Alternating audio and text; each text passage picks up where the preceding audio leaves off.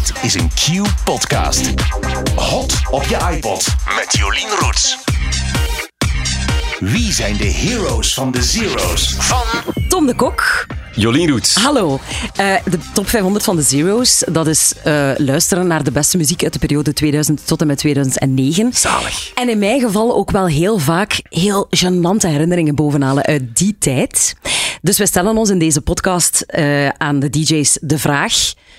Wat was er hot op je iPod in die tijd? Maar dan verwacht ik vooral ook heel veel leuke, inspirerende en vooral gênante verhalen van jou. Dat gaat lukken, hè? Ja, ik was toen de Zero's begonnen, was ik ehm 17. Ja. Dus bring it on. Ja, dat dat Echt schreeuwt echt awkwardness en puisten. Ja, Ja, ah, absoluut. zalig. Ja. En waren dat fijne jaren voor u? Vond je dat een leuke periode? Oh, dat is echt een... Ja, pas op, de Zero's zijn voor mij wel de jaren waarin echt alles begonnen is. Hè. Dus dat- die beginnen eigenlijk zo aan het einde van mijn puberteit, 17, eh, met een heel speciale zomer. Zo het jaar 2000 was zo echt zo mijn coming of age en drama. En, enfin, ehm, Waar de film over zou gemaakt worden Ja. als er ooit een film zou komen Zo van echt zo mijn Kok. hardstopper jaren, maar het ging wel iets minder vlot dan eh, in, in dat boek en in die film, eh, of in die reeks. Ehm, daarna ben ik, ja, ben ik beginnen werken, eh, ben ik achter de schermen van televisie terechtgekomen, ben ik bij de radio terechtgekomen, ik, heb ik mijn man leren kennen, eh, heb ik mijn eerste boek al? geschreven. Dus allemaal zeros voor mij. Ja, Oké, oké, ja. Ja, zo oud ben ik al, ja. Ja, we gaan daar niet, Ja, we ik gaan heb daar in, niet dus in. Ik heb in, in 2001 mijn eerste roman uitgebracht. Ik heb in 2005 mijn man leren kennen. Ik ben in 2010 getrouwd. Dus, net het einde van de Zero's, ja. Eh, dus er is heel veel gebeurd in die tijd. Zo echt wel... Ja, echt mijn coming of age eigenlijk. Zo echt het stuk tussen mijn kindertijd en mijn volwassenheid speelt Ja. zich helemaal daar. Allee, ik ben nog altijd niet volwassen. Ik ging net zich daar. zeggen, van, eh, is dat er ooit, ge- is Nee, dat ooit gebeurd? Peter Pan, eh, echt forever young. Ja, maar dat is goed, dat is goed, dat is leuk. Dat maakt het ook, denk ik, een interessante Ja, babbel. maar er is superveel gebeurd. Ja. Echt heel veel gebeurd. Ah ja, dan gaan we veel drama vooral. Ja? Drama, drama, drama. Ja. Ben je een drama king? Ik, hè? Ja? Maar we kennen elkaar toch al jaren, Jolien Ja, ik weet het, maar ik heb u, maar ik heb u nog nooit natuurlijk... Waarover moet ik spel maken? Zeg het mij en ik doe het. Nee, Ik heb u nog nooit in de hoedanigheid gezien van met uw hoofd in een kussen. En, dat heb ik nee, natuurlijk nee, ik ben, nooit ik ben niet zo'n maar- blijter, dat ben ik wel niet. Nee, Nee, nee. doe ik heel weinig. Maar van alles zo- spel maken, zo eerder Ja, dat. maar nee, vooral veel te hard nadenken over alles, alles, Hmm. alles. Ik heb bijvoorbeeld wel heel hard mijn... ehm, zo de, mijn mooie jeugdjaren, waarin ik eigenlijk wel best een tof lichaam had en een, een, een normaal eh, eh, jongenslibido en, en zo de wereld had kunnen gaan verkennen en zo een keer goed had kunnen rondfladderen. Van Ja. de, zoals, zoals jongeren in mijn hoofd nu allemaal doen, want die hebben allemaal Tinder en Grindr en, en god weet wat. Ja. Dat bestond allemaal niet in mijn tijd.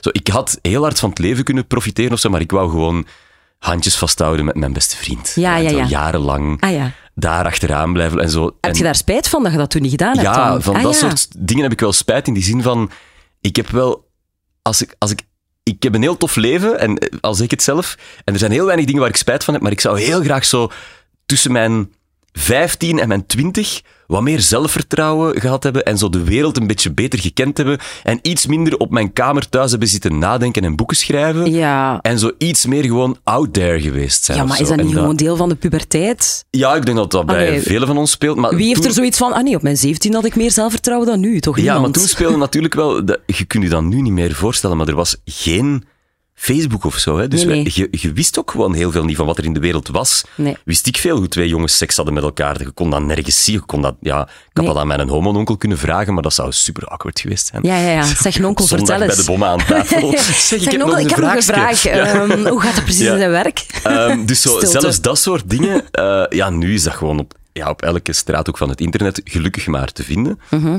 Maar dat was, ja, ik was heel... Als ik nu kijk hoe slim mijn dochter van negen is, op alle mogelijke vlakken, Ja. maar zo hoe wereldwijd, hoe goed die bijvoorbeeld Engels spreekt. Ja, omdat die heel de dag op het internet zitten, dus die, die, die, ja, die leren dat daar. Zo. Dat zijn allemaal dingen die toen nog niet... Ja. We waren echt wel een beetje achterlijke konijnen of zo op ons Ja, zo wat onder de 16, 17. kerktoren meer, zeker. Ja, het zo had wel meer... iets, maar pff, toch ook niet. Hè. Maar pas op, het gaat wel zo van die, ehm, dat weet ik nog, van die, eh, van die chatboxen, toch?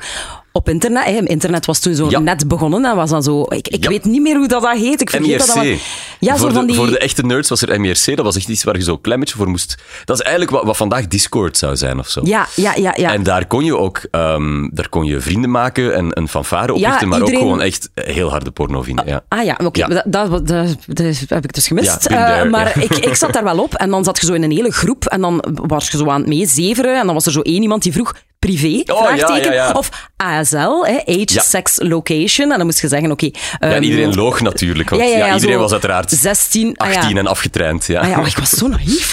Betreft, ja, oké, ça va. Maar ik, was, ik weet niet of ik op zoek was naar een lief per se. Of, Ik vraag of me zo, wel maar- nu heel erg uit, over die periode vraag ik me wel heel hard af met, met hoeveel, hoe ik als 15, 16, 17-jarige, eh, met hoeveel vetzakken van 65 ik toen gechat heb. Ik denk heel veel. Maar ik had de indruk dat dat toen precies niet zo... Iedereen was zo... Je had niet door dat dat gevaarlijk kon zijn. Want Ja. was zo, oké, ASL, oké, ah ja, je zei zo, oké, va, we wonen niet ver van elkaar. Oké, we gaan privé. Dan gaat je naar een privéscherm hè, en je, je, je chat een beetje, dat klikt, kom goed overeen. En dan is dat, weet je wat, we gaan een keer afspreken. En dan spreekt je zo af ergens aan de kerk van Lokeren, weet ik veel. En dan zien we Ja. elkaar zo voor het eerst, zo twee pubers die zo... Was er internet hey, in. Lokeren in 2000? Ik, eh, ik, ik- Waar zit ik jij- waar zit jij opgegroeid, Ja, Rotselaar bij Ah, ja, Leuven. voilà. Niet veel beter eigenlijk. Wij hadden wel case. Rockwerchter. Eh maar eh, ik, ik, er was altijd goede muziek in de buurt bij ons. Maar het is, eh, ja, zelfs daar was ik te voorzichtig in. Maar ik nee, was echt maar een ja. dezeke. Je zou dat nu niet zeggen, want ik weet dat ik heel rock en roll ben. Hè. Maar, eh, maar ik, ik was echt een heel braaf zeuteke op mijn Ja, 17e. dus jij sprak niet dan af met mensen die je leerde kennen? Want ik heb dat wel een paar keer gedaan. Ik sprak de koer zelfs met niemand af. Ik had ook heel weinig ja. vrienden. Ja. ja. Dus de zeros waren niet mijn beste tijd. Eh, Ehm, het begin niet. Het nee. begin niet. Ik, wa- ik was ook een, een gepest kindje op school. Ja. Niet super erg, maar wel genoeg om zo in mijn schulp te zitten. Tot ik dan op mijn, aan het begin van die zero's ontdekte dat ik heel goed was met woorden. Ja. Dat ik het niet alleen goed kon uitleggen. En dat ik niet alleen zo kon schitteren op het schooltoneel, maar dat ik dat ook zelf kon schrijven en regisseren. En de hele schoolkrant vol schrijven als het moest. moest maar dat ik ook een boek kon schrijven. En Ja, dat ja. heeft echt heel veel veranderd voor mij. Ja, je, je sprak van eh, de summer, eh, allee, uw- of uw zomer, eh, de coming of age van Tom de Kok, dat was Ja. in 2000. Ja. En daar hoort een liedje bij dat je Ja. gekozen hebt vandaag, dat is Cressip, I Would Stay. And if I could, I would stay. yeah. I would stay, yeah. Zo een, een mooie Ja, die, heeft ook Nederlands zo, die. Jacqueline heeft ook zo echt zo'n eh, Een Hollandse zo'n mond, zo'n Hollandse mond. Zo, zo, met zo precies vijf tanden te veel. Zo. En, en die, ja, die haar Engels was ook zo niet echt perfect Like Engels. you. Like you. Maar we, dat, dat klonk op een of andere manier zo vernieuwend en fantastisch. En dit was een, een hit. Dat was volgens mij een zomerhit in het Ja. jaar 2000. En dat was echt... ook, die video is ook met livebeelden van op Pinkpop, denk ik dan? Of van... Ja, ik heb ze gezien op Marktrok nog, toen Ah, Marktrok nog bestond, eh, van good old Jokke Kerkhoffs. Ehm, toen, eh, toen, ik heb ze op het, uh, het voor het Sint-Pietersplein gezien. En ik weet ook nog, dat was zo de zomer, dat wij plots met z'n allen vodka Red Bull hadden ontdekt. Zo, en we waren, ja, we waren allemaal 17. Ja. Rode Red Bull? Plots, ja, ja, ja, tuurlijk. Ja, Ja, ja, ja. plots was dat er zo. En was dat zo het nieuwe ding. Je wilde daarmee gezien worden in een Ik plastic bedoel, rode vodka, dat bedoel ik. ja, ja nee, nee, maar nee, dat drankje was rood. Hè, zo, de vodka Red Bull was in zijn geheel was rood. Ja. ik wist niet of... Rode het nu de vodka, nee, nee, Red Bull is niet rood, Ja, zo, denk ik. ja, ik, ik dronk daar gewoon van, Jolien. Ik dacht daar niet over na. Ik bestelde dat gewoon. Ja. En, eh, en ik had ook het geld om dat te betalen, want ik schreef boeken, dus ik, ik verdiende daar wel iets mee, dus ik, ik kon dat allemaal betalen. Ehm, dus ik trakteerde veel vodka Red Bulls aan mijn Ah ja, vrienden. Dus van ik had geld is plots niet veel meer vrienden. Nee, ik heb dus met mijn eer- ik zeg dat ook op lezingen in school. Ik heb op mijn, op mijn zeventiende, met mijn eerste boek, dus in 2001 was het dan uiteindelijk, ik heb daar toen ehm 400.000 Belgische frank mee verdiend, dus 10.000 euro.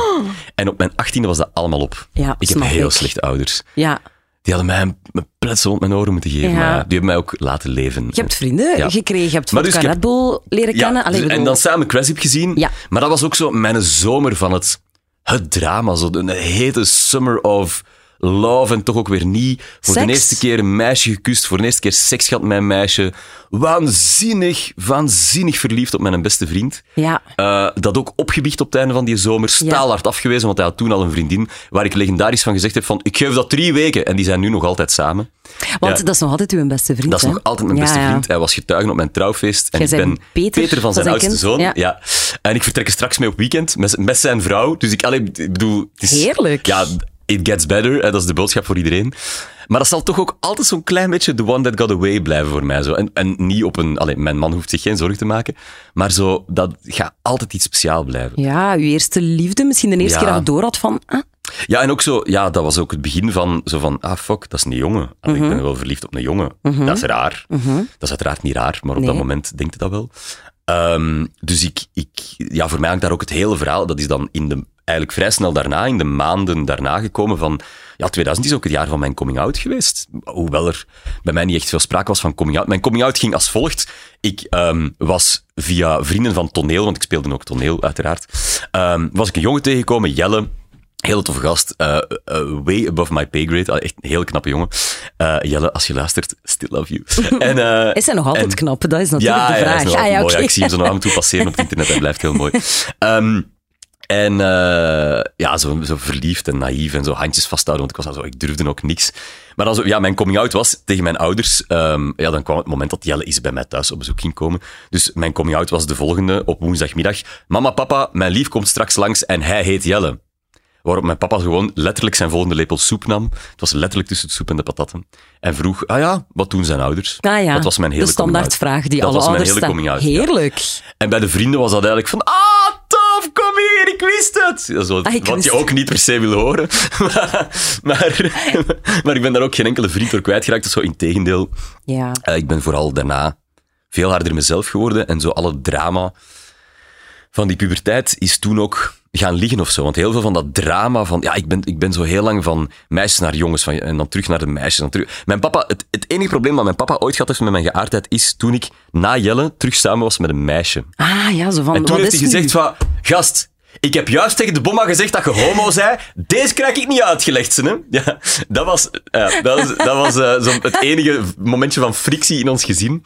En dan ja, die afwijzing van die beste vriend eh, was puur door zo mijn acceptatieproces van ja, ik ben dan wel toch niet helemaal de, het standaard pakketje hetero of zo. Mhm. En ja, hoe ga ik in godsnaam ooit aan een lief geraken? Want ik zeg het, pre-internet. Ja. Dus zo echt wel niet gemakkelijk. Je kwam in de Giro of op café niet gewoon iemand tegen. Ehm, dus dat borrelde en bruiste zo wel een beetje. Dat is in heel veel eh, ruzies thuis geëindigd. In, in mij opsluiten in mijn kamer. In eh, heel dramatisch reageren op, op kleine dingen met vrienden. Ruzie dat zoeken ook zo wat vaak. een late puberteit dan precies of zo? Zodat je zo Ik echt ben in al die dingen van de zo- laadbloed. Dat was ja. mijn puberteit. Ah, maar ja, daarvoor heb ik voilà. niet veel puberteit gehad. Ik was Nee. daarvoor een kind. Ja. Maar dat is kort maar hevig geweest. En eigenlijk na die coming out en na die zo- zomer van I Would Stay, ehm, waarin dus dan ook, hè, zo ook wel de eerste keer intimiteit met een meisje zat en zo, waarvoor nog, nogmaals excuses. Eh, die- Hoezo? ja, dat was niet mijn meest galante passage in mijn leven of zo. Dat, dat- Nou, dat was uw eerste keer. Bij wie Ja, was dat nee, wel dus een meest was- galante... Allee, Nee, bedoel... maar ik vind dat wel belangrijk om dat te benoemen. En ook aan dat meisje mocht die luisteren te zeggen van ja, ik vind niet dat ik dat goed gedaan heb of zo. Ehm, Maar waart je lief? ja, ik denk wel, maar ik was gewoon een fucking kind. Ik was echt naïef Ja. op mijn 17. En, en ik was vooral echt heel verliefd op iemand anders, namelijk ja, ja, op een jongen. En ehm, Dus je hebt daar hard gebroken wel. ik denk dat ik op dat moment wel haar hart gebroken heb. Ja. Ja. En dat was wel heel hard en heel pijnlijk en heel... ehm, ja, ik... ehm, Wat wel kon in de Zero's, en dat kan nu niet meer, is zo... Als je zo wat een pijnlijk moment met iemand hebt gehad, kun je gewoon zo uit dat leven stappen Ja, ja. en die zo nooit meer zien en Dat nooit meer horen. en is nu is iedereen altijd all over the place en alle exen zitten nog wel ergens in uw DM of vind ik Ja, ja, of jij, er zoekt altijd wel iemand die op LinkedIn op die dan plots advocaat aan de balie blijkt te zijn of zo. En Dan je hebt daar nog een verleden mee, zo fuck. een vriendschapsverzoek eh, op Facebook, zo van... "Ah, God, ja, daar heb ik ooit nog iets mee Ja. gehad. Wat nu ook niet meer kan, is wat er gebeurd is tijdens mijn eerste keer. Want ik ga daar, ik ga uit respect is- voor de betrokkenen niet alle details Het is heel snel ook over seks beginnen gaan. dat is maar ook wel het is, ja, maar dat is gewoon het leven ook. Maar dat is ook gewoon gebeurd. Op, ja, ik 17, ik bedoel, Ja, ja, waar zijn we ja. mee bezig? Boeken schrijven en seks. Ehm, dat was in een, in, een, eh, in een tentje bij ons in de tuin.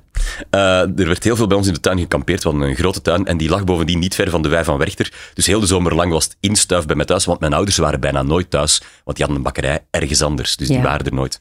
Dus, en alles mocht bij ons thuis. De enige regel was, zorg dat opgekuist is als we thuiskomen. Maar die avond was mijn mama wel thuis, dus ik sliep met de betrokkenen in een tentje buiten. Dus onze moeder moet wel geweten hebben van, ja, ehm, ja één en één. hè. Ehm, maar wat tegenwoordig niet meer bestaat, is, we hadden zo'n huistel- een draadloze huistelefoon Ja, ja. en een telefoon, een gewone telefoon binnen. Ja. En eh, ik had die draadloze huistelefoon zo, omdat dat op een of andere manier stoer leek of zo, ha- lag altijd in de tent, zodat we daar ook telefoon hadden, zodat we naar vrienden konden bellen vanuit die tent. Dus die lag in die tent.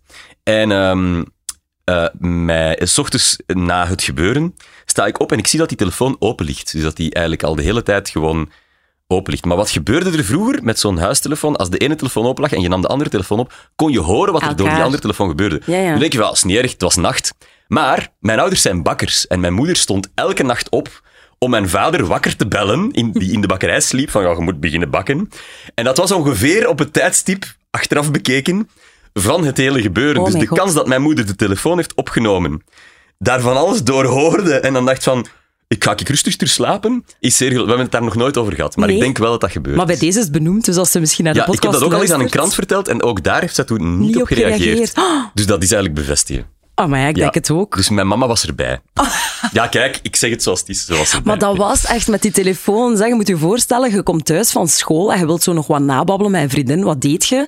Bellen met de vaste telefoon Oh ja. naar de vaste telefoon van Is je vriendin. Thuis? Ja, ja, ik ga hem een keer roepen. Ze. En dan zo babbelen waar dan Ja, zo andere maar niet te mensen lang, bij hè? zitten. Ja. Da. Ja, en dan uw zus die dan ook wilde bellen naar haar vriendin. Ja, hè? ik ben bezig. Ja. Of, nog erger, als er dan iemand op het internet wou.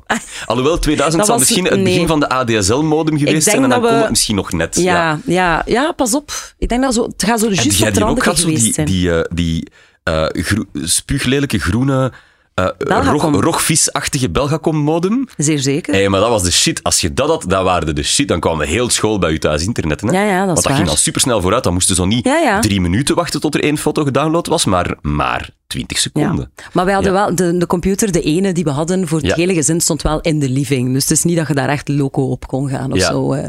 Ja, bij ons thuis, ik, mijn zus en ik waren heel veel alleen thuis. En dus dat schiep wel Ja, echt heel veel mogelijkheden. Ik zeg het, mijn vrienden waren heel graag bij ons thuis. Dat Ja, snap ik. Om het internet te komen dat ontdekken. snap ik. Ja. Toen dat je daarnet hier aan tafel kwam zitten, had je direct zoiets van, oh, oh mooi, zo'n allee, een, een iPod. De oldschool iPods liggen hier, hè? maar dit voor- zijn niet de echte oldies. Hè? Maar wat voor een had jij dan? Geen. Een MP3-speler dan Eh, nee. eerder. Nee, ik had wel zo, ehm, zoals elke eh, rechtgeaarde tiener in het jaar 2000, had ik Napster en Zeer- LimeWire. Zeer zeker. Eh, voor de jonkies die luisteren, dat heb ik nooit gedaan. Ah, ja. Maar Napster was ik wel echt heel, ja, tot dat dan werd aangeklaagd en afgeschaft. Dus dat waren ehm, services, je kan je dat nu niet meer voorstellen, maar je kon, eh, je had dus een bibliotheek met geripte, je had cd's. Je ripte die in je computer, dus je stak die in je computer, daar zat een gleuf in voor cd's. Ehm, je downloadde van die cd de liedjes die daarop stonden, dat werden dan mp3's, magic. En dan kon je die op je computer beluisteren. Wat meestal gewoon shit kwaliteit was, maar wij Yep. sloten dan allemaal onze stereo-installatie aan op die computer. Enfin, Zo die twee, die twee boxjes die je Oh dan zo ja, kocht. van Zo die, Logitech. Of van Trust. Met zo drie, Dat met zo waren drie toen bollen. merken, ja. Maar dat was echt dat was zo groot, hè? Dat was echt zo 10 centimeter breed, zo lang. uit, en dan maar- stonden die langs weerse kanten van uw, van uw scherm zo. Maar nu even, weet jij nog de eerste keer dat er bewegend beeld op je computer te zien was? Wij speelden Jumanji. Ik weet nog, zo een trailerke voor een of andere loze film, maar wij zaten echt met onze bek tot op de grond te kijken van "Ah, The aliens have landed. Er Dat beweegt iets in Windows. Ja, ja. Of de eerste keer dat er een kleurenprint uit de printer kwam. Bij mij was dat eh, Simba van The Lion King. Ah ja. Ik zie, nog, ik zie dat blad nog uit die printer. Een, een HP Deskjet, uiteraard. De 850C. Ik zal het nooit vergeten. Ehm, maar dus, om bij de muziek terug te komen. Wat wij deden, je downloadde dus al die muziek op je harde schijf van je computer, die dan verbonden was met internet. En dan konden mensen van over de hele wereld zien dat die muziek op je computer stond. En die van jouw computer komen downloaden. En dan in ruil kon jij dan iets van hun computer downloaden. Dat Ja. was eigenlijk wat Napster Ja. deed, maar dan en masse. En zo kon je dus een gigantische bibliotheek downloaden, maar dat mocht niet. En toch deden wij dat allemaal. En dan branden op cd en... En dan brandden wij dat op cd's en dan of- verkochten wij dat op de speelplaats. Zeker, Voilà. zeker. Eh, maar ik heb, een, ik heb nooit een mp3-speler gehad. Mijn, de beste maat waarvan al eh, spraken daarnet, die had de original, zo die dikke witte, Ja, ja. die zo voor de eerste keer dat wieltje had, waar je dan zo met je duim over... Ja, ik, ik voel de magic nog als ik het nu hier op deze Zot, doe. hè? Waar je met je duim over wreef en dan bewoog dat schermpje. Ja. Dat is iets... En daar konden dan zo... Ja, dat werd dan zo geafficheerd van... Hier kunnen 5000 liedjes op. Tegenwoordig ja, hebben we zoiets van... Ja, dude, dat past zelfs in de domste telefoon. Ja. Maar toen was dat echt... Ah ja, nee. Weet je wat tof was aan die tijd? Dat verbaasde ons nog allemaal. Ja, dat is waar. Wij vielen bij elke presentatie van Steve Jobs, die toen nog leefde, wij vielen... Ja, je hoorde het pas ook weken later, want het stond dan pas in de krant, maar je viel van je stoel. Wat dat je daarmee kon. Dat waren echte aliens die landden. Die ja. Apple Store, dat was echt nog... Ja, nu... Ja, laat ons eerlijk zijn. Sorry jongens, maar de iPhone 27, het is cool, maar raakt u dan nog op een of andere manier? Maar niks. Je zegt één keer van, ah, maar dat maakt wel coole foto's. En dan laat je dat vallen. en, ja, dan laat dat vallen, is Dan betaalde daar dan, 1500 euro voor Of- en dan is dat ja, Samsung die dan zoiets maken dat opvouwbaar is, dan denk je van, ja, boeien, maar ik zit er niet op te wachten. Maar zo, die, die allereerste iPod. Maar joh, jij Nokia eerste 3310. Weet jij, je- ja, Snake. Oeh. Maar dat is, dat, is al, dat is 90s, dan zijn we aan het afdwalen, Ah ja, is denk ik. dat? Maar weet jij je eerste iPhone nog? De eerste keer dat je een iPhone in Ja, je ja, ja, handen dat had. was een, ehm, die was uit Amerika. Ja. Iemand had die meegebracht voor mij. Maar je kon daar nog niet je simkaart van hier in steken zonder dat een of andere IT'er dat omzette. En ik ben nooit tot bij die persoon geraakt die dat dan voor mij ging doen. Dus ik heb die eigenlijk alleen maar kunnen gebruiken op wifi. Ik heb daar nooit mee kunnen bellen of zo. En dan heb ik die terug doorverkocht nadat dat dan wel kon of zo in, in Vlaanderen. Maar wij waren echt...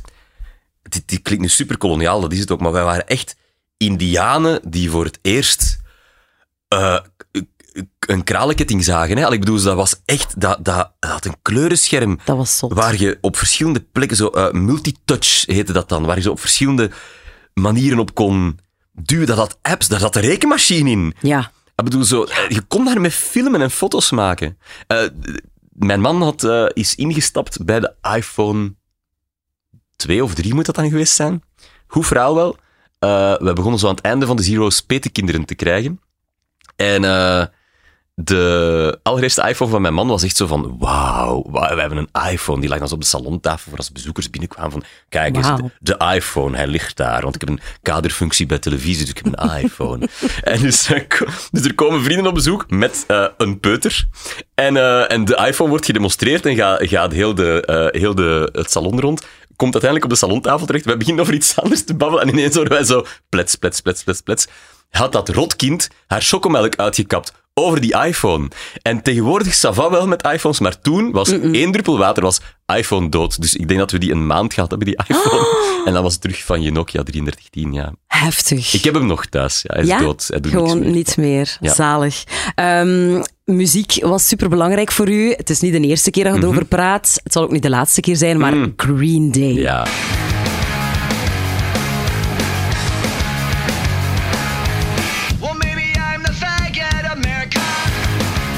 En zo dat beeld dat hij zo op zijn gitaar, die zo laag hangt, staat te rammen knieën, en dan hè. naar boven kijkt, zo in die videoclip. Ja, Zo. Is een gitaar Dat te laag, een zeros. microfoon te hoog. Ja. Eh, en altijd datzelfde, want hij had een uniformpje toen. Hè? Dus eh, Billy Joe Armstrong, die je hier hoort, hè, eh, lid van de driekoppige band Green Day, samen met Trey Cool en Mike Durnt, die ehm eh, droeg dan altijd zo smal zwart skinny jeansje, met zo, ehm, zo de, de obligate wit-zwart geblokte riem, of Ja, ja. zo'n riem met pinnetjes. Ja, het lekker, wel. Lekker punk, maar eigenlijk is Billy Joe eigenlijk echt geen punker. Allee, ik bedoel, dat zijn lief, dat, zo, het zijn de Britney Spearsen van de punk. Eh, dus het valt wel mee. Ehm, en dan zo een, een vod uit zijn achterzak ook Ja. altijd. hè. Zo'n bolle zakdoek, zo'n boerenbolle zakdoek. En dan ehm, nog voor Trump dat cool gemaakt heeft, een rood plastronnetje op een zwart hemd. Eh, en dan zijn haar zo altijd op, eh, op manga. En, en dikke mascara. Ehm, Green Day bestond natuurlijk al veel langer. Hè. Die zijn doorgebroken in 94 wereldwijd met Dookie, dat eerste album, waar eh, dat had iedereen ook zo gekopieerd. De stekken bij ons op school handelden in die cd's, dus 10 euro en je had Dookie. Eh, dus ik had het ook in mijn collectie thuis. Eh, maar dat zei mij, buiten dat dat wel cool was om naar te luisteren, net zoals... pff, de Beastie Boys toen cool waren, of uh, Weedus, of zo, zo die, die bands toen. Kunke Nancy. Ja, dat was, dat, vond, ik- dat was zo girly. Was dat te- was zo Wat? voor de Alanis Morissette. Zo. Ja, nee, Nee, dat is niet ja, waar. Nee, Skunk Nancy, nee, nee, nee, nee, dat, nee, dat was niet stoer genoeg voor de boys bij ons. Nee, Allee. nee dat was niet Bij skate, ons was dat wel niet een skate ding. genoeg voor ons. Nee, nee, Ah ja, het moest skate zijn. Het moest redelijk skate zijn Ah, ja, wel ja, bij ons. Eh, dus zo, ja, eh, Blink, eh Ja, ja. Off, The Offspring. Sum 41. Sum 41, Ja. dat, dat was onze, Ja. onze poison. Garbage ook wel, echt heel Ook goed. Ja, goed. Ehm, maar dus, eh Dookie, waar dan de, de grote ancient hits op staan. Eh, Basket Case, uiteraard, is de allergrootste. Eh, maar dat, dat is nooit echt binnengekomen bij mij. Dat waren ook een beetje liedjes van snottapen, zo'n beetje, beetje de, Ja. de, de revolutionaire held uithangen. Maar wat er dan gebeurde in 2005 vol Irak-oorlog, volle Bush-crisis. En plots wandel ik binnen op Werchter, waar ik elk jaar naartoe ging met mijn vrienden, want ja, dat was in onze achtertuin. En staat daar op het podium Green Day. En wij zo uit interesse eens gaan kijken. Dat concert was één van de vijf keer in mijn leven dat ik een religieuze ervaring heb meegemaakt. Dat was, staat nog altijd in de top drie van beste concerten ooit, wellicht gekleurd door de herinnering.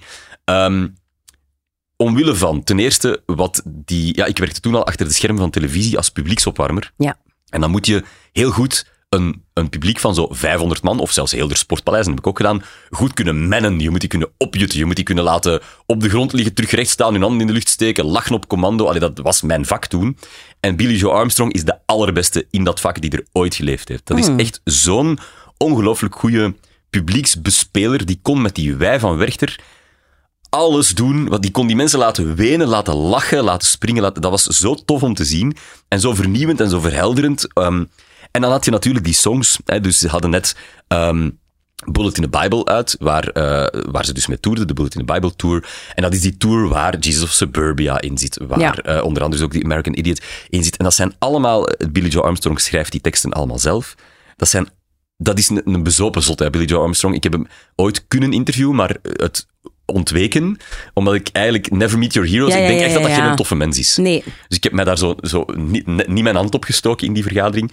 Ehm, ik denk niet dat dat een toffe mens is, maar dat is een genie. Hmm. Wat hij daar geschreven heeft over Amerika en hoe zo middenklasse Amerika eraan toe was toen, zo, toen ze allemaal voor Bush stemden en we dachten dat dat het ergste dat was dat ons kon overkomen. Oh mijn god. Dat was echt... Die Jesus of Suburbia is echt de voorspelling van hoe Amerika vandaag gewoon in puin ligt en een land van volslagen idioten geworden is die stemmen op fascisten.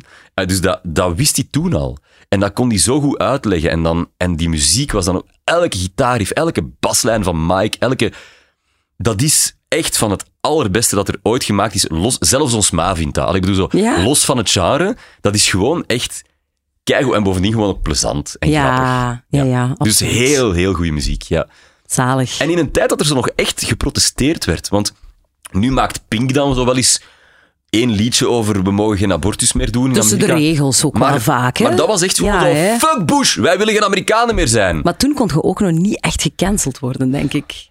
Ja, maar dat bestond inderdaad nog niet. En we hadden zo nog niet, ook niet heel die andere kant van woke, die dan vond dat je niet eh, revolutionair genoeg was. Ja. En zo al die groepen tegen elkaar. En dan eh, zo niet. cultural appropriation bestond toen ook nog niet. Dus je mocht dan ook nog zeggen van, ik ben blank en ik neem het op voor de zwarte medemens. Terwijl tegenwoordig zou zeggen, dat mag niet, hè. Ja. En zo dat, ja.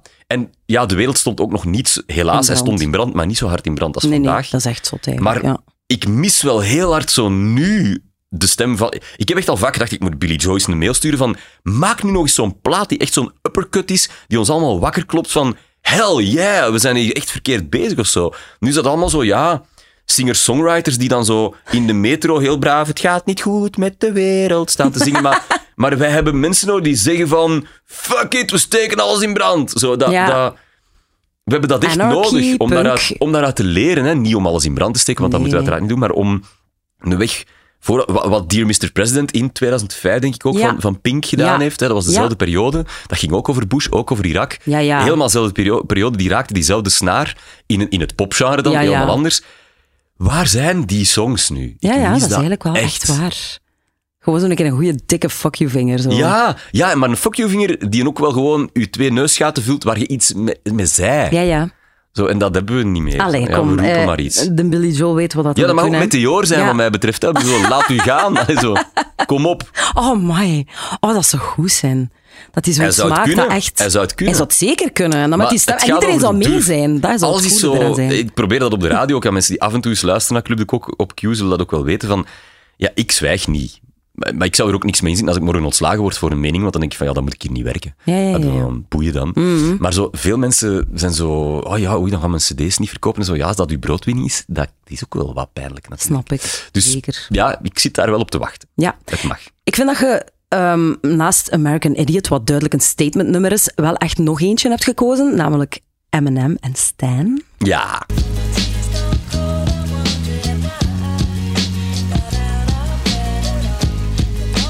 Ja, dat is gewoon...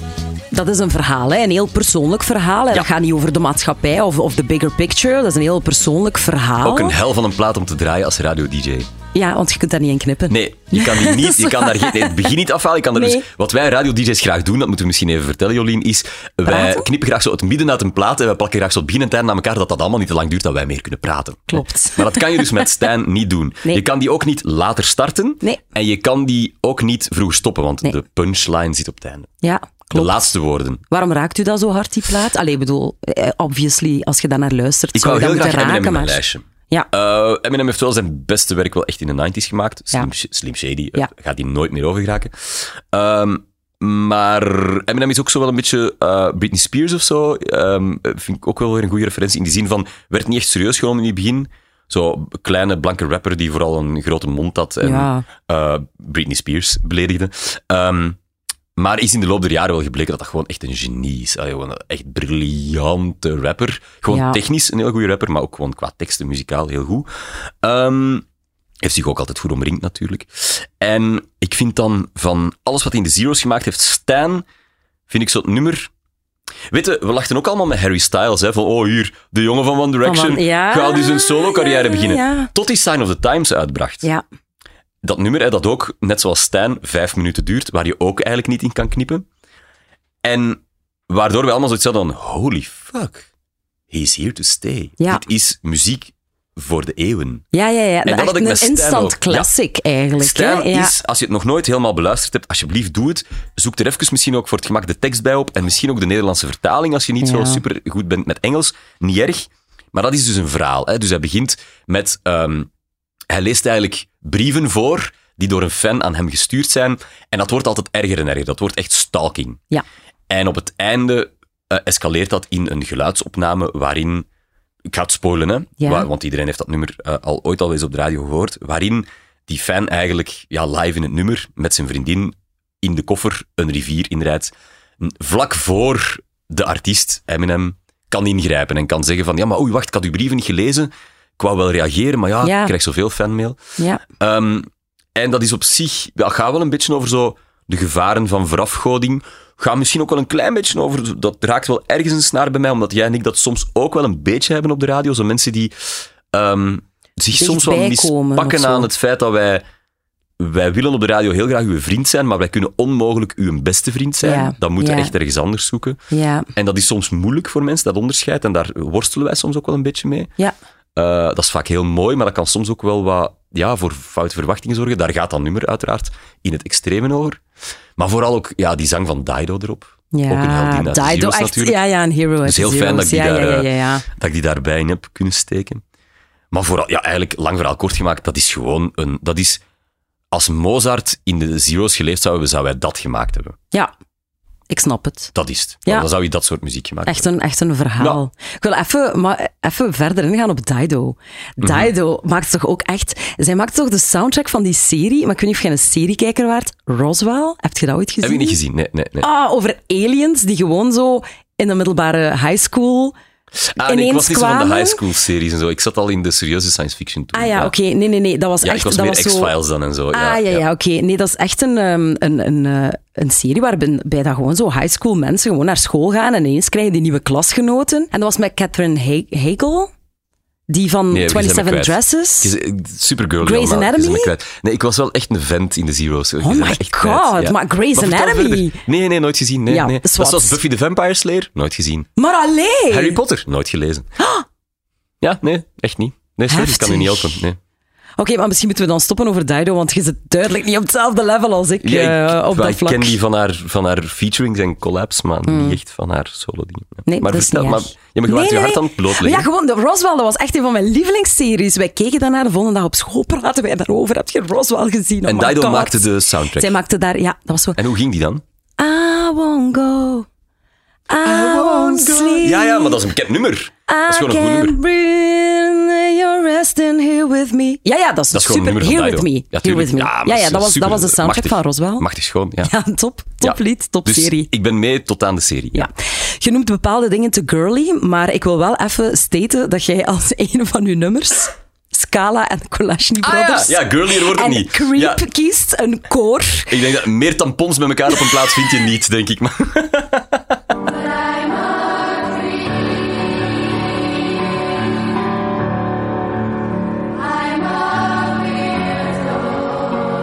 Wel een lied dat ervoor gezorgd heeft dat fucking Scala een koor uit, wat was het, Aarschot? ja, wacht, ik moet hier ik moet even beginnen met een... Werd, Ik hè? moet hier even iets, iets oversharen. Iets, iets dat heel shocking gaat zijn voor veel mensen. Maar ik ben voor een groot stuk in Aarschot opgegroeid. Sorry. Dat is gebeurd. Ik kon daar niet echt aan doen. Ik woonde twee dorpen verder en mijn vrienden woonden daar. Ik speelde daar ook toneel. Eh, dus ik heb eh, ik, en net in die periode, en dat is dus het begin van de Zero's, dat ik daar het theater speelde en daar een brede vriendenkring had. En eh Flater Forever, altijd in de Flater zat. En Awoe de Knoet. Nee, dat is niet waar. De Knoet was voor de afzuip op het einde, maar wij bleven wel in de Flater tot de Flater dicht was. Ehm, en, sorry, echt. staat echt nergens op voor iedereen die Nee, niet maar het is wel belangrijk voor mensen, die het, wel, het wel. voor mensen die het wel weten, is het echt belangrijke informatie. Nee, en dus ik had ook zo wat affiliaties met eh, wat vrienden die bij de KSA in Aarschot zaten. En de helft van Scala zat ook in de KSA van Aarschot. Ehm, en eh, dat was dus een- voor mensen die dat gemist hebben, een meisjeskoor dat ooit door een of andere eh, eh, katholiek geïnspireerde mens, een pastoor of zo, begonnen was. Maar dat de Collageny-broers, twee zeer goede muzikanten en dirigenten en componisten en producers, die hebben dat dan overgenomen. En plots deed dat eh, koor dus ehm, eh, koorversies van popnummers die Ja. de wereld rondgingen. Ja. Dat was, dat was ook zo het begin van de virality. Zo plots waren dat YouTube-video's die door iedereen bekeken werden en zo. En ehm, die, eh, die stonden dan zo ook op één in de afrekening op Studio Brussel, wat dan Ja. toen nog heel cool was. Tegenwoordig stelt dat niks meer voor natuurlijk. Die maakte muziek met Jasper Steverling Ja. van Arid, ook een heel Ja, voilà, populaire toen, band ja, wat in de Zero's. Zero's echt. Hè, ja, ja. ja, die stonden op podia als Werchter en Pukkelpop en zo dan, met dat koor. Eh, en dat waren dus allemaal ja, zo meisjes die ik, ofwel was dat het lief van iemand, ofwel zaten die in mijn toneelkring, eh, of, ofwel eh, ja, zag ik die op café. Dus dat, dat was zo heel dichtbij allemaal. En die kende Reggie dan en zo. Dat Ah, was ja, lang ja. voor ik zelf Reggie kende dan. Dus dat was heel... ehm, ja, dat was heel cool om dat te zien gebeuren. Het was ook gewoon echt een strafverhaal. Dat die zo uit de Aarschotse demerklei plots... Die vlogen dan naar Tokio om te gaan optreden en zo. Ja, hè. ja. Ehm, er was ook zo heel veel gossip, want... ehm, ja, een van die Collageny-broers is uiteindelijk dan getrouwd met een Ja. van, die, van de vrouwen, van die iets oudere meisjes die eh, wel het koor zongen. Dus dat was allemaal zo gossip in het dorp, want er gebeurde eens iets in Aarschot. Ho, ho, ho. Ehm, en die meisjes traden daar dan ook regelmatig op, dus ik heb die ook vaak live aan het werk gezien. En ik werkte bovendien ook achter de schermen van televisie in die periode, zoals ik daar straks gezegd heb. Dus ik was heel veel, eh, verschillende avonden per week in televisiestudio's, waar die dan ook kwamen optreden. Dus, ik, dus die waren gewoon heel veel in mijn leven. En eh, die, die cd's die, ze toen gemaakt hebben, Scala on the Rocks, wat echt vierdubbel platinum wereldwijd is, of zo, Ja, ja. echt ongelooflijk cd. Ja, daar vind ik dan die, die versie van Creep, van Radiohead, wat op zich een... Ja, dat is een nummer over outcasts. Hè, dat, dat, dat kwam al zo diep binnen toen het... eh, Dat is wel 90s, denk ik, toen het uitkwam. Ehm, Ja, ja, dat is maar die 90s, versie, die versie van Scala, nu ga ik alweer vloeken in de kerk, maar hey, gedeeltelijk opgegroeid in Aarschot, kan niks meer verkeerd doen. Ik vind die versie minstens even goed als het origineel. Amai. Dat leent zich zo goed tot 50 meisjesstemmen Mhm. die dat, die dat zingen. En de collages hebben dat zo gearrangeerd dat dat echt binnenkomt. Allee, Ja, het heeft iets engelig, als je engelachtig daar, of als je zo, daar hè? geen kippenvel van krijgt van dat nummer, is er, dan zijn de psychoot, dan moeten ze u oppakken. Er is iets mis met u dan. Ja, Echt, dan heb je geen hart. ja. Ja, dat is dat, dat, dat, ja, ongelooflijk knap. Heel schoon. En nu duiken die inderdaad nog af en toe zo eens op, maar wel om eerlijk te zijn, zo toch een beetje verdwenen uit het publieke leven. Zo, hè? zo toch wat... Is het de tijd erop? Moeten we stoppen? Nee, ik kreeg, eh, ik eh, kreeg telefoon van ons moeder, maar ik kan terugbellen straks. Ja. Even- Is het niet Ja. boeiend genoeg misschien? Het zijn uw verhalen, Moet hè, ik ze even mee, want die luistert graag mee als ik belangrijke dingen doe in mijn leven. Dus ik kan, kan ze altijd even, even bellen. Hè. Hey moeder. Ja. Nee, we gaan het hebben over nog, eh, nog een liedje dat je gekozen hebt. Ik denk dat dat wel een is dat de Q-luisteraars misschien van alles dat je gekozen hebt het minst kennen. Ja, nee, Omdat ik associeer dat echt in de Zero's met een Stubru-plaat. En dat is Fake Blood. I think I like... We gaan eens luisteren. it ah. Ja. Dit is voor mij echt muilen in de charlatan. Maar Dit tuurlijk. lied is echt ja, uitgaan en, en ja, dat Maar het kwetst mij diep dat jij dit lied associeert met een andere radiozender dan met dan de mijne toen. Waarom zeg je M&M alsof je net iets verkeerd hebt gegeten? De Zero's is het begin van mijn radiocarrière. Dus ik heb eh, in 2008, carrière noem ik dat nu, heel blasé, van mijn werk bij de radio. Want dat is werk zoals een ander. Ehm, dus ik ben in 2008 bij Donna begonnen. Toen nog Radio Donna. Gek genoeg, een jaar nadat ik daar begonnen ben, is dat gestopt, Donna. Ik weet niet of dat iets te maken had met mijn komst, maar ik zal het nooit weten. En dan heeft Peter van de Veire mij in zijn kamertje geroepen eh, op een televisieprogramma waar hij presenteerde en ik het publieksopwarmer was. En hij heeft mij gevraagd van, ehm, Tom, wil jij met mij een nieuwe zender oprichten? En dan heb ik het ongelooflijke genoegen gehad om, dat wens ik echt elke radiomaker ooit eens één keer in uw leven toe, om een nieuwe zender te mogen starten. Dat was zo rock en roll. Ja. Zo amateuristisch ook soms, maar zo plezant. En zo spannend en zo schoon en zo vriendschappen voor het leven en zo samen op Girokamp zijn. En dat zo ergens in een kelderke van, van de VRT, zo echt, terwijl de wereld zat te wachten op, oh, wat gaan ze maken? Ja. Liepen wij in paniek rond van, we weten het zelf ook niet. En dan kwam daar plots M&M uit. En dat was echt verre van perfect, zeker in die beginjaren. Oh man, toch wat wij allemaal gedaan hebben. Maar ik had... ehm, ja, eigenlijk, eh, de, tijd is altijd een cirkel. Ik had toen ook al een soort van gek laatavondprogramma. Waar ik ook zo, min of meer zoals nu in Club de Kok, mocht doen wat, ik maar wou. En ik heb eh, I Think I Like It, wat toen dus een hit was, bijna een volledig uur aan één stuk gedraaid op de radio. Ah ja. Tot de baas naar de studio belde en letterlijk de woorden sprak, als je nu niet stopt, dan moet je morgen niet meer komen. En dan heb ik dat afgezet, dat Ah plaatje. ja. En dat is voor mensen die erbij waren, ik word daar nog altijd op aangesproken, op het feit dat ik dat toen gedaan heb. Ja. Dus voor mij is dat zo'n beetje een nostalgisch plaatje naar zo'n tijd dat ik ehm, heel jong en naïef mee die heel jonge en naïeve zender heb mogen oprichten, waar ondertussen van alles mee gebeurd is, wat ook al lang mijn baby niet meer is. Ah, het zal altijd mijn baby blijven, maar ondertussen... Baby's moet je loslaten, Een hè. puber die het huis uitgevlogen is en waar ik geen vat meer op heb. Ehm, en ik ben ongelooflijk schoon thuisgekomen bij de zender die jij en ik nu delen. Ja. Maar dat zal altijd diep in mijn hartje blijven. Ik vind dat ook niet erg om daar op die manier over te praten. En zeker die rock rolperiode, wat wij toen deden. Zero's. Oh, wij moeten echt... eh, Wij zijn rijp voor het bejaardenhuis. Ik hoop dat onze rolstoelen naast elkaar terechtkomen in de recreatiekamer. En dat Ze we- staan hier klaar. Dat we dit soort verhalen nog veel tegen Ja, elkaar ik hoop kunnen het ook. vertellen. Misschien moeten we sowieso al afspreken dat we in hetzelfde rusthuis eindigen. Dus- Sowieso. En jij brengt de iPod mee dan. Ja, deal. Merci Tom de Kok, het was leuk. Ah, wel, merci voor de uitnodiging. We gaan dat nog eens doen. Dat is goed. Dit was een podcast van Q-Music. Wil je meer? Check qmusic.be of de Q-app.